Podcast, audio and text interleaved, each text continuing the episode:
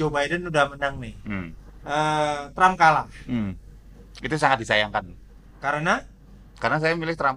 karena Karena kalau Trump menang, Hah? Amerika ngaco. Jadi nggak sempat mikirin Indonesia. Iya, jadi Kita bisa maju.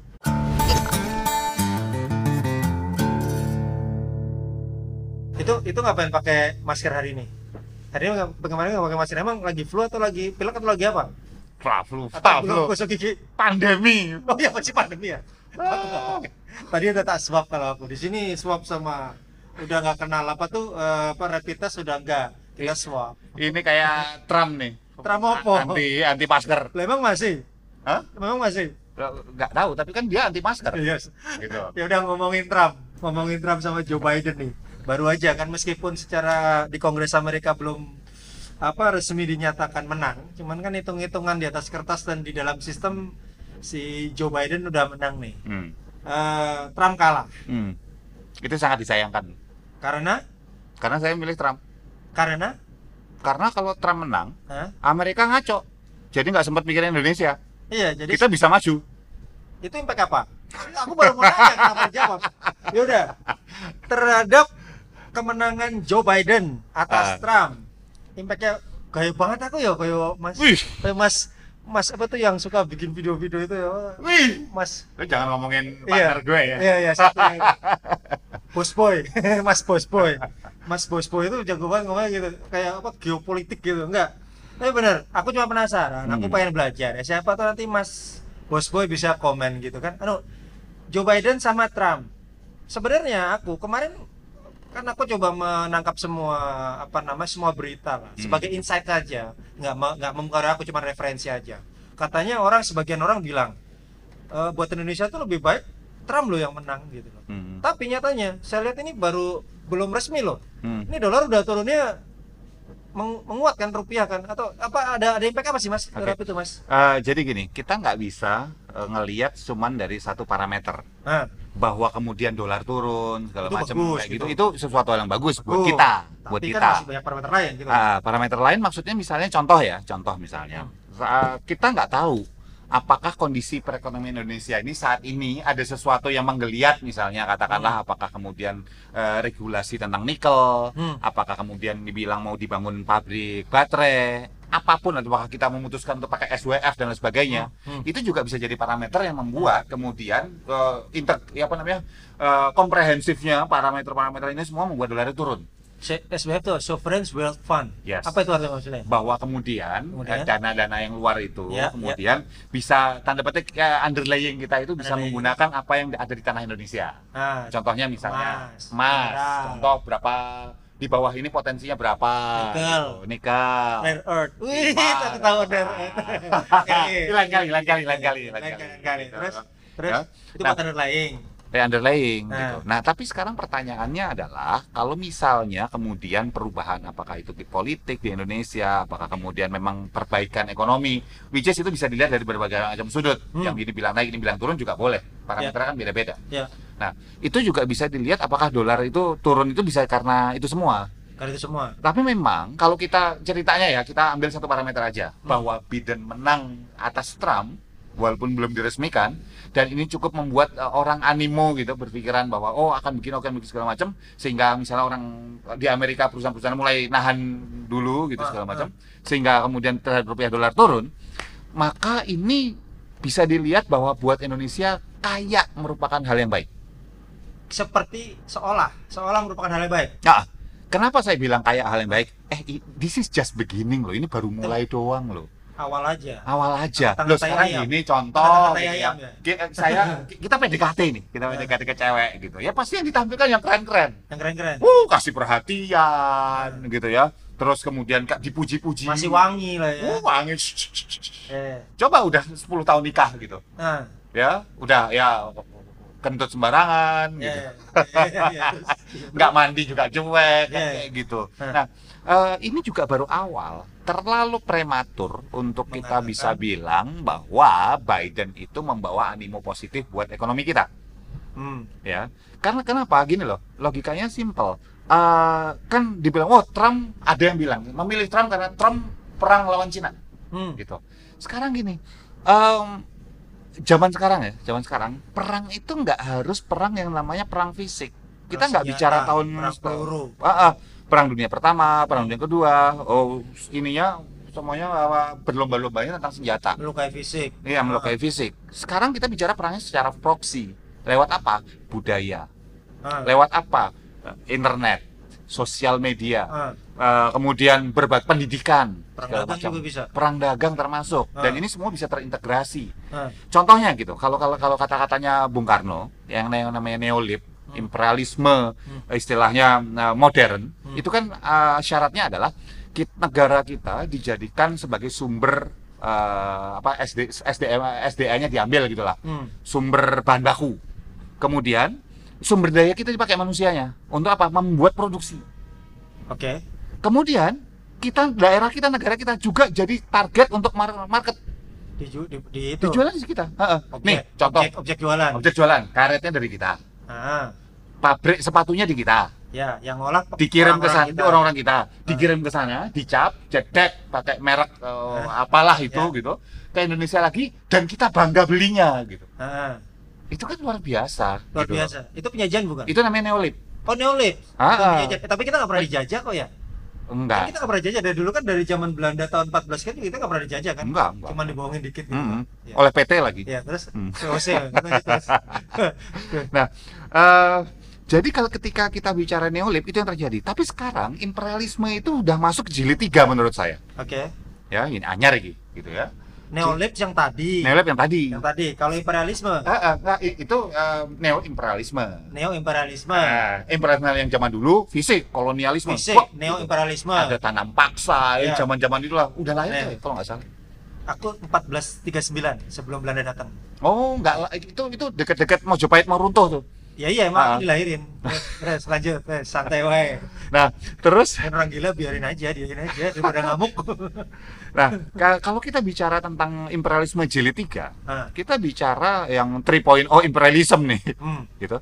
Kita bicara bahwa penjajahan sekarang sudah mulai penjajahan non fisik non fisik kalau itu kan masih fisik sumber daya alam hmm, manusia pasar. Kelihatan. Nah, kelihatan. sekarang obvious. sekarang mulai non fisik mas dulu tangible sekarang intangible apa Iya. sekarang? Mindset? Mindset. Sekarang sekarang saya tanya nih ya. Nah. sekarang saya tanya. Betapa luar biasanya Korea untuk berhasil menancapkan kukunya di seluruh penjuru dunia? Dengan apa? K-pop. Hmm.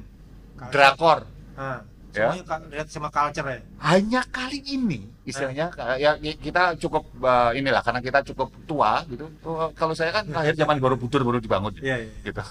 Abad ke-8 dong. Iya, uang saya 824. Sailendra. 824 lah abad ke-9 dari abad ke-8 ya. Terus. Nah eh, jadi kita melalui banyak masa Eh. kita melihat bahwa baru kali ini eh, di Amerika ada or, ada eh, band ba- boys band kan sebetulnya itu Boys drama band. apa K-pop itu nggak nggak jelas boys atau either boys atau girl tuh nggak jelas ya itu Pokoknya kisah kan band. pada dia dan Tuhan yang maha kuasa lah ya band. Itu grup band Eh, datang terus orang-orang Amerika loh ya kita bicara mata biru rambut pirang terus, "Ah!" Eh, gitu. ah. kalau kita ditarik itu mundur ke beberapa puluh tahun 20 tahun yang lalu aja nggak usah sentimen Asia tuh masih kencang banget loh di sana iya Di memang iya sekarang masih ada tapi kan nggak besar tapi kalau waktu itu orang lihat orang Asia kayak gimana gitu Ya apalagi kemarin Oscar yang yang terakhir atau sebelum terakhir ya yang menang itu siapa namanya The Parasite ya itu kan Iya, Korea. ah, itu itu Korea. perdebatan ya. Padahal Ah, ah. biasanya yang menang non kulit putih pun itu udah terjadi di semua loh semua ajang kompetisi Yes. kan kayak American Idol lah bahkan Ah. saat yang menang misalnya apa si orang hitam gitu misalnya black man gitu dia bilang wah kok yang menang? Gini-gini. Tiba-tiba yang menang harusnya yang putih mulu kira yang menang putih terjadi sentimen itu kan? Betul. Nah, tadi berarti berhasilnya Korea itu menancapkan dari segala sisi gitu ya. betul.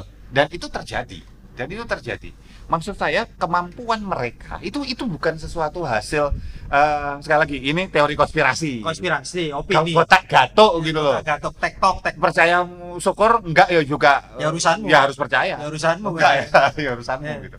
Jadi kon- tapi bayangkan bahwa kalau kita bicara di tahun 80-an sama 90-an em, pemerintah Korea itu memberikan beasiswa ke banyak anak-anak Korea gitu untuk ke luar negeri ke industri kreatif apakah itu industri teknologi, Ah, apakah ah, ah, seni, art segala macam seperti itu, apakah linguistik, bahasa dan sebagainya. Dan begitu mereka balik di akhir 90-an, bisa perhatikan bahwa kemudian drakor mulai menanjak pelan-pelan, K-pop mulai menanjak pelan-pelan karena karena kualitasnya sudah kualitas Hollywood gitu loh. standarnya emang Standarnya udah sudah beda. tinggi. Beda sinematografinya, beda. udah bukan. Asia lagi ya Udah bukan Asia lagi. Nah, kalau kita melihat bahwa loh, iya terus kenapa? Oh, tidak semudah itu Ferguson gitu ya, Ah. bahwa itu sederhana, bahwa itu cuman kemudian cuman bahasa, budaya, apa namanya, eh, kemudian seni. Iya. Enggak. Ingat bahwa kemudian yang mensponsori mana? LG, Samsung Samsung, iya eh, semua brand-brand Korea tersebut. Begitu mensponsori para yang naik-naik ini segala macam, lo apa brand itu nggak naik? ya ikut naik naik. Akibatnya kita semua pakai, eh enggak semua. Ah, ki- kita kebanyakan kita pakai yang tadi merek-merek tadi hmm. dari Korea tadi. Buat saya itu bukan itu masif terstruktur dan sistem- sistematis ini. iya nggak asal-asalan Nggak asal-asalan. Nggak sanyit mak betutu Iya, Berarti mak, mak jegagi gitu muncul kebiasaannya gitu. kita gitu kan Iya. harus struktur dan panjang ya Dan panjang dan sebetulnya kalau kita perhatikan bahwa dulu Bung Karno mencoba melakukan itu dengan cara cara apa? Ngirim orang-orang anak-anak Soviet, muda kita kebanyakan Soviet sama ya, Jerman ya, yang mau nerima kan sana. Ya, negara-negara sosialis gitu gitu. ya. sosialis Kayak Soviet, Polandia, Jerman. Ah, ah. Nah itu jadi juga konflik kepentingan juga. Wow ngirimnya ke negara komunis. Eh, kalau saya akan bilang gitu, kalau sebelum komentar kayak gitu saya akan bilang bahwa ya baca sejarah dulu. Iya. Yang mau terima gratis di openi, dikasih Openi hidup segala di- macam, tanggung. Heeh. Ah, ah. ya mereka itu. Terus yang openi juga waktu itu pemerintah yang lagi baru-barunya merdeka lagi Iya. awal-awal membangun. Ya cuman kan masalahnya dituik dengan kondisi politik. Kalau Politik. kalau ada hubungan sama politik ya udah udah nggak bisa Betul. ngomong ya kan. Yang dikirim ke sana kan para insinyur-insinyur karena waktu itu kan pembangunan fisik, betul. Pembangunan Insinyur. Iya karena karena itu. lagi starting lah, lagi take off starting. lah ya. Ha-ha. Jadi akibatnya apa? Kita ketinggal.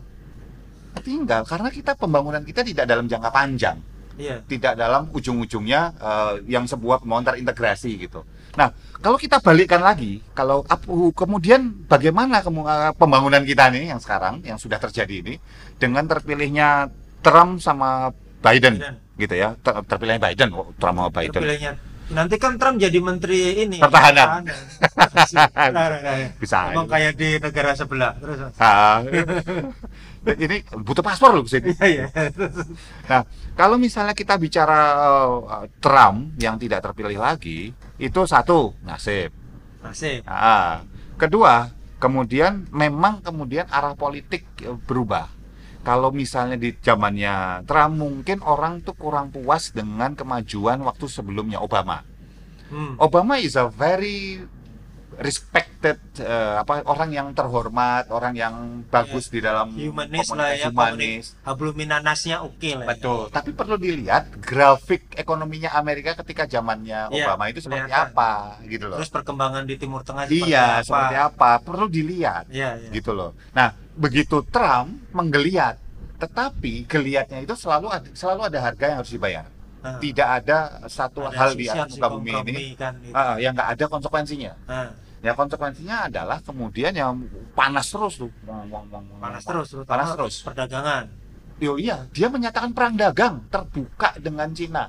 Nah, gitu dengan Tiongkok gitu. Sementara kita tahu bahwa barang-barang murah datangnya dari sana semua. ya. Lo kok bisa murah? Satu, efektif, efisien, Nah, nah. ya.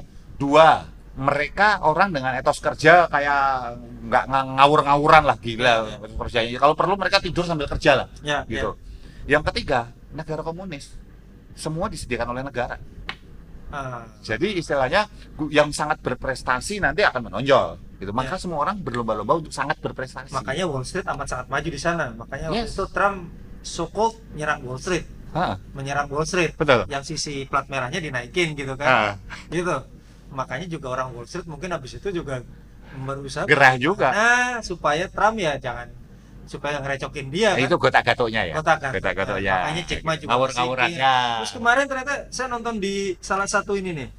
eh, insider apa ya? Penemuan apa lah? Pernah dengar Faraday Faraday Future enggak? Ternyata si Whitey itu yang tuh si Liu siapa itu Ah, begitu diliput ternyata dia tuh sebagai salah satu challenge challenger terkuatnya siapa Elon Musk Elon Musk.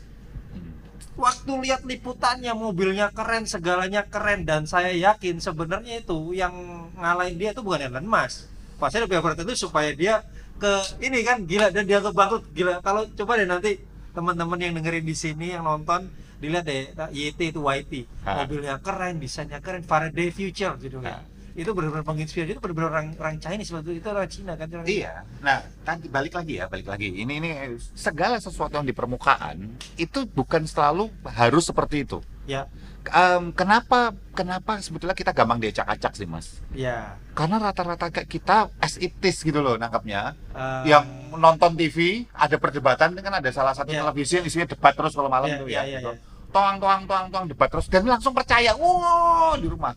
Ini Indonesia Liar Club ya ya Iya iya iya iya. iya. Benar benar. Iya, iya. Terus- Itu pronunciation lain. Iya, gitu. iya. Ah. terus ya Nah, em, kita cuman apa ya permisif terus polosan kali yang lainnya Nah, nggak gini istilahnya gini. Itu nggak apa-apa. Itu nggak apa-apa. Istilahnya bahwa berhak lah ada ya tugasnya itu. tugasnya sebuah TV mungkin memang menyampaikan berita seperti itu gitu Iya, kan. betul. seperti kita ini jadi mengembalikan juga mereka akan menilai Ya, menilai tugas kalau tugas kita adalah ngacak-ngacak pola pikir Acak-acak, gitu. iya, mau Ah. itu sebagai opini atau fakta ya Sakar. monggo Ah, ah, kita juga tek gitu. oke kan Nah, sekarang pertanyaannya gini, kalau kita langsung percaya, contoh bahwa oh Trump itu adalah seorang nasionalis, Biden itu seorang globalis misalnya, Nah. boleh dan bisa jadi memang, bisa jadi memang.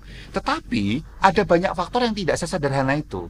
Ketika sekarang logikanya gini ya, ketika Trump memutuskan eh, mengawasin Cina di Spratly, gitu. Wah, kirim tuh armada ketujuhnya set ke situ semua. Ya, Wah, ya, ya. gitu, segala macam gitu, ya. Terus pertanyaan saya, nyerah nggak nih? Anakku pernah nanya loh, ayah, ini kira-kira Amerika sama Cina perang nggak? Dan jawaban saya, enggak. Kem- kemungkinan amat sangat kecil Loh, Mas, itu hancur-hancuran loh perang. Mereka juga punya nuklir loh. Nuklir nuklirnya nggak kehitung lah ya kan mungkin nggak dilaporkan kan Nggak, secara nggak dilaporkan. secara real kan ah, apalagi Amerika kemudian menarik diri dari perjanjian nuklir itu. iya sama-sama kan Sama-sama. sama-sama pembohong eh bohong sama-sama pemilik kepentingan gitu kan Iya. Nah, sekarang gini, logikanya ya, Amerika juga nggak seberani itu kok. iyalah dia banyak faktor Dia, dia, dia juga mikir, oke, katakanlah Amerika punya seribu hulu ledak. Iya Cina katakanlah punya 100 lah gitu. Eh, Ditimbuk ke Washington DC selesai juga gitu kan. iya lagian kalau Cina disikat kan vendornya Amerika kan banyak di Cina juga Betul. murah ya kan Ah, ya terus marketnya dia juga mungkin ada di Cina juga Dan gitu. kita nggak tahu teknologi mereka uh, kan kalau Amerika yang punya namanya itu istilahnya iron wall, iron apa itu yang pokoknya Iya. nembak-nembak itu yang apa iya, itu di- diajar di atas gitu. Nah, tapi pertanyaannya kita nggak tahu Cina punya apa loh. Dan saya rasa Amerika juga sama. Mikirnya harus kom- komprehensif gitu loh, bukan cuma iya, satu iya, gitu. iya. jangan polosan lah Ah, ah, dan orang bilang wah Amerika so- apa namanya perang lawan Cina segala macam. Kita loh kalau kita nih nih nih ini nih. Ini ini menarik nih. Ketika ini ketika ini panas ketika di laut Cina Selatan panas Nah, di Natuna kan sebetulnya kita juga naruh kapal perang. Ya. Iya kan? Ya ya oke. Dengan alasan apa pun itu kan. Dengan alasan apa pun. Dengan alasan apa pun Gitu. ada nelayan masuk oh, ada oh, ya kan? kita naruh kapal perang Ya. gitu. tapi ini ya ya gitu deh gitu ya, ya ya ya naruh kapal perang. Logikanya kita ada kapal perang di sana ya. Nah tiba-tiba ceritanya nih ceritanya kasus di kasus nih Amerika sama Cina perang. Dua dua. Dua, dua, dua, dua, belum nuklir, belum nuklir, belum tembak-tembakan, dua, dua, dua, dua, dua, gitu. Nah, tiba-tiba ada kapal Cina, ceritanya lagi keluar, terus dikejar sama Amerika, kapal Amerika, ke bawah ke selatan, masuk ke kita ke arah Natuna Utara. Kan ada kapal perang kita nih. Nah. Dan Cina bilang, bilang, saya numpang lewat dong, saya cuma mau lewat menghindari kejaran dia, saya cuma mau masuk eh, lewat apa namanya Selat Malaka, terus ke sana, ha, Eh. nggak ke Samudra Hindia, ke ke, atas ke atas pulang, tadi, mau pulang mau balik tapi lewat jalur sana, Ah, gitu. Pertanyaan saya, Indonesia gimana? ah. Nih, tak kasih tahu kondisinya. Kalau Indonesia bilang nggak bisa, kan kedaulatan, Iya, iya, kedaulatan, gitu. iya. nggak bisa, Iya. nggak boleh lewat, gitu. Kan yang belakang tailingnya kan Amerika nih, yang ngikutin. Z- ZEE Ha, ha. ini ZE kita. Gitu. Ah, Anda pelanggaran kita tembak. iya iya Terus Amerika ngejar kapal Cina ini, so. Ah. Cina akan ngelapor dong, pakai Eh. satelit segala, segala macam. Cina akan bilang, oh, lu belain Amerika. Eh. Nah, Dan nasib kita udah kita ketahui itu dari Kita situ. ketahui. Ah, tapi kita balik lagi.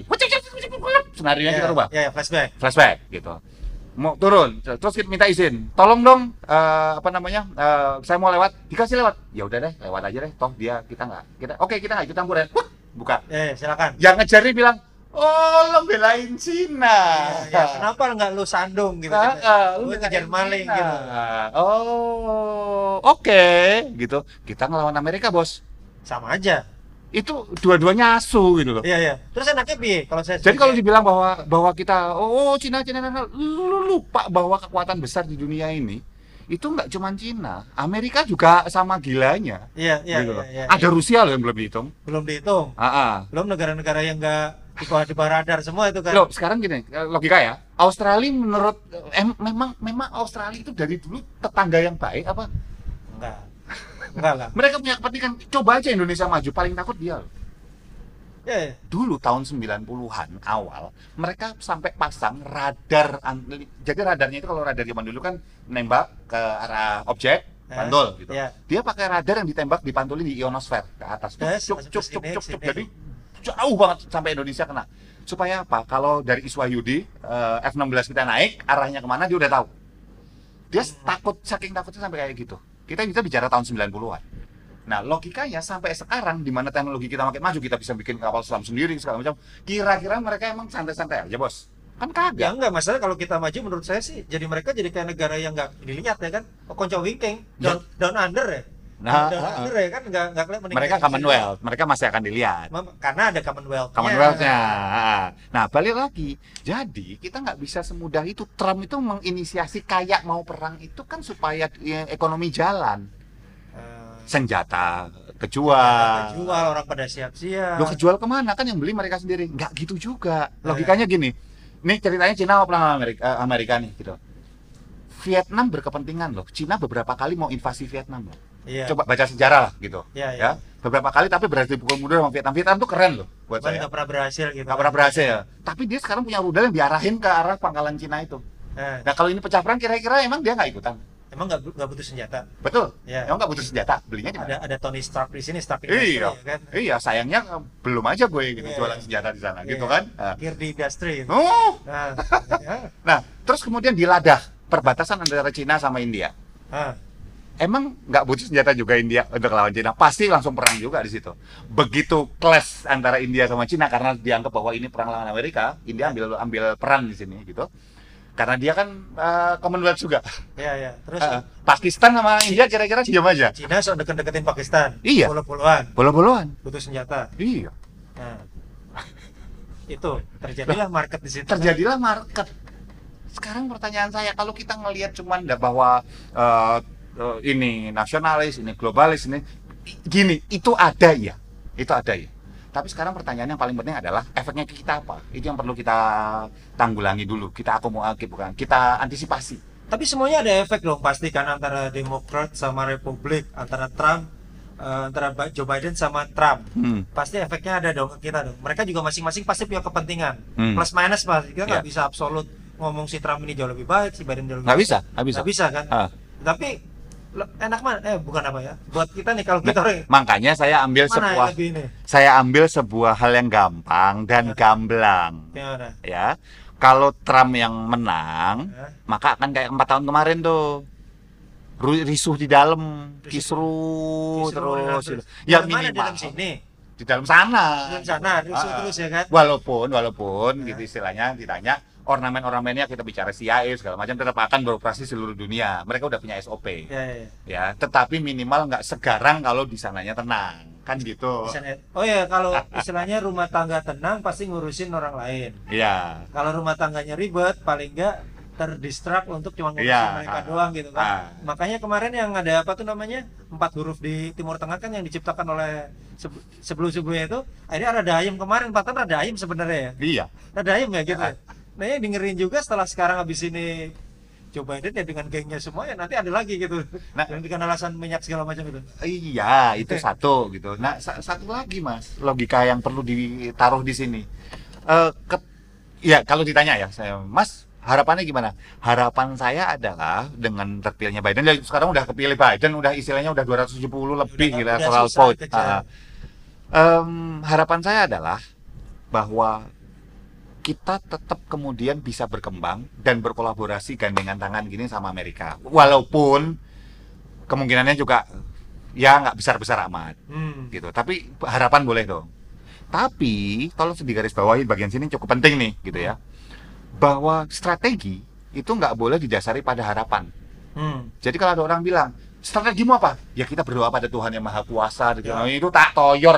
Kembali insya Allah. GM gua ngomong itu tak Kembali insya Allah Pak. Insya Allah Pak itu tahu nyonyo ngomongnya Mas.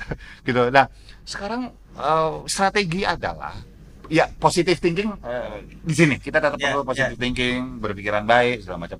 Tetapi ketika bicara strategi, kita perlu untuk memikirkan semua kemungkinan atau alternatif yang ada. Biden begini, Biden begitu, ini akan begini segala, segala macam Hmm. gitu. Dan kita botman ya berat banget itu pembicaraan kita ini. Iya. Na- nanti nanti ujungnya tak tak sasarin jadi enteng lagi kok. Oh gitu. Jadi, jadi, jadi intinya gini, tak tak dulu deh. Jadi intinya kalau saya sebagai Indonesia nih, Ah. saya saya punya ke, apa eh, penentu keputusan, saya lebih baik menganggap Amerika sama Cina ataupun katakanlah Demokrat sama Republik di Amerika ini ya sebagai kayak pacar-pacar saya calon istri semua gitu. Saya pacarin semua. Hah? Ini ini Ma- saya ambil mana yang enak-enaknya aja. Ini Sebelum saya nikahin. istrimu nggak denger nih ngomong kayak gini ini nih. kan cuma buat rating ya. Jadi- Jadi ya benar dong maksudnya kalau misalnya nih, kalau kayak tadi kan, kalau saya sebagai Indonesia nih, terus saya milih Cina, saya nikah sama Cina katakanlah. Hmm, Amerika ngamuk loh. betul. Saya nikah sama Amerika. Oh, Cina Cinanya ngamuk. Nah, mendingan ya udah, saya saya memutuskan saya tidak akan menikahi kalian berdua. Saya pacarin aja berdua-duanya. Ah. Gitu maksudnya. Iya. Itu sebetulnya kayak Ana- Analogi yang sederhana tuh, tapi katanya berat-berat banget. itu. Iya, sederhana. Nanging bisa berdampak kalau Beresiko. kalau bojo masih bangun ya berdampak gitu. Nah, kalau misalnya kita bicara bahwa itu yang terjadi, itu kan sebenarnya ke politik luar negeri kita bebas aktif itu kan. Nah, biasa itu kan politik grey sebenarnya. Iya, kita sebetulnya politik yang nggak berani ngambil sikap sih. Politik di tengah-tengah ya. di sisi lain itu Ya itu tadi kan berarti Ah, mainin aja, tapi sebetulnya dua-duanya. tapi sebetulnya sebenarnya kan zaman dulu kalau kita tarik ke zaman dulu kan dibikin konferensi Asia Afrika kan Hmm. kalau nggak salah siapa tuh UNU ya UNU J- Jawaharlal Nehru segala macam 55 lah. tonton ya. itulah gitu ya Hmm. yang eh, ketika kita membangun hubungan dengan negara-negara di Afrika Hmm. kenapa karena waktu itu sebetulnya kan kita waking giant gitu Pak. eh sleeping giant waktu itu Ah. Indonesia baru merdeka India negara-negara Afrika macam. India tuh gede loh Ya, ya. sangat besar jumlah manusianya nomor aku lupa nomor dua atau nomor tiga dua. gitu nomor dua ya Nomor tiga Amerika, nomor empat kita ya. Ah, ah. gede loh mereka nah em, ketika kita bicara soal India kita bicara negara Afrika segala macam ini kedua kekuatan yang kalau bersama sebetulnya jadi blok ketiga. Jadi blok ketiga dan Ah, ah. daya tawar atau bargaining powernya luar biasa. luar biasa. Nah, sayangnya kita gampang gontok-gontokan satu sama lain. Dipecah dan itu akan diper- tetap diper- dipertahankan loh. Jangan salah. Mau Biden mau Trump Iya eh, pasti. kita akan tetap ini. Terus kita mau keuntungan buat mereka dong. memberikan keuntungan buat mereka.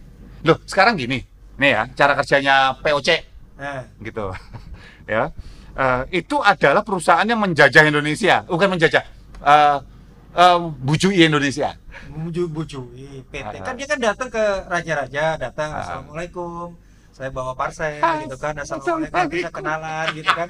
Ya saya gini-gini, yuk kita berteman. Akhirnya lama-lama dijajah gitu kan. Ah. Terus datang ke raja yang mana lagi gitu kan. nah Ya eh, dulu rajanya gini gini gini gitu ya. Enggak. ini ini ini misalnya ini Yang- raja yang- satu Yang, yang lahirnya pas Majapahit biasanya lebih paham. oh Terus. bangsa Shalendra Iya, iya, Ah. oke. Eh, kerajaan satu kerajaan dua Ya. gitu Eh, VOC ini datang ke sini Nah, bilang kamu butuh apa butuh ini tuh oh diangkat-angkat di, dikasih hadiah dibantu segala- dan ini berantem nih perang nih. Ya. kelas Ya, dia minta eh eh, bantuin aku dong lawan dia. Oke mau beli berapa senjata? Dikasih. Terus ini kan kemudian mulai kalah sama ini Eh, yang kerajaan A. Yang B bilang aku bantuin aku oke mau butuh berapa? Dia jadi kayak preman penyedia senjata bisnisnya. Dan preman jaga perbatasan. Oke yaudah kamu aturannya gini. Dan dipercaya kedua-duanya. Aturanmu gini ya. Tapi aku untuk jadi sini ah, ini dong ada sesuatu dong Berarti aku saya, dapat. saya baru nemu nih. Dari dulu pelajaran sejarah ngomong 350 tahun kita dijajah, tiga setengah tahun kita dijajah, sampai sekarang juga katanya udah mereka tapi sebenarnya masih dijajah. Hmm. Sebenarnya paling gampang, ini menit terakhir ini mas, Eh, bangsa kita sebenarnya belajar aja dari VOC sebenarnya. Kalau mau menang di future, betul benar? jadi moral of kita harus menjajah bangsa lain Iya, dengan kulonun assalamualaikum bawa parcel, Iya. siapa tahu mereka nurut gitu. Ah, ah. Gitu. Ah. Ya udah, sampai situ aja. Ya, sip.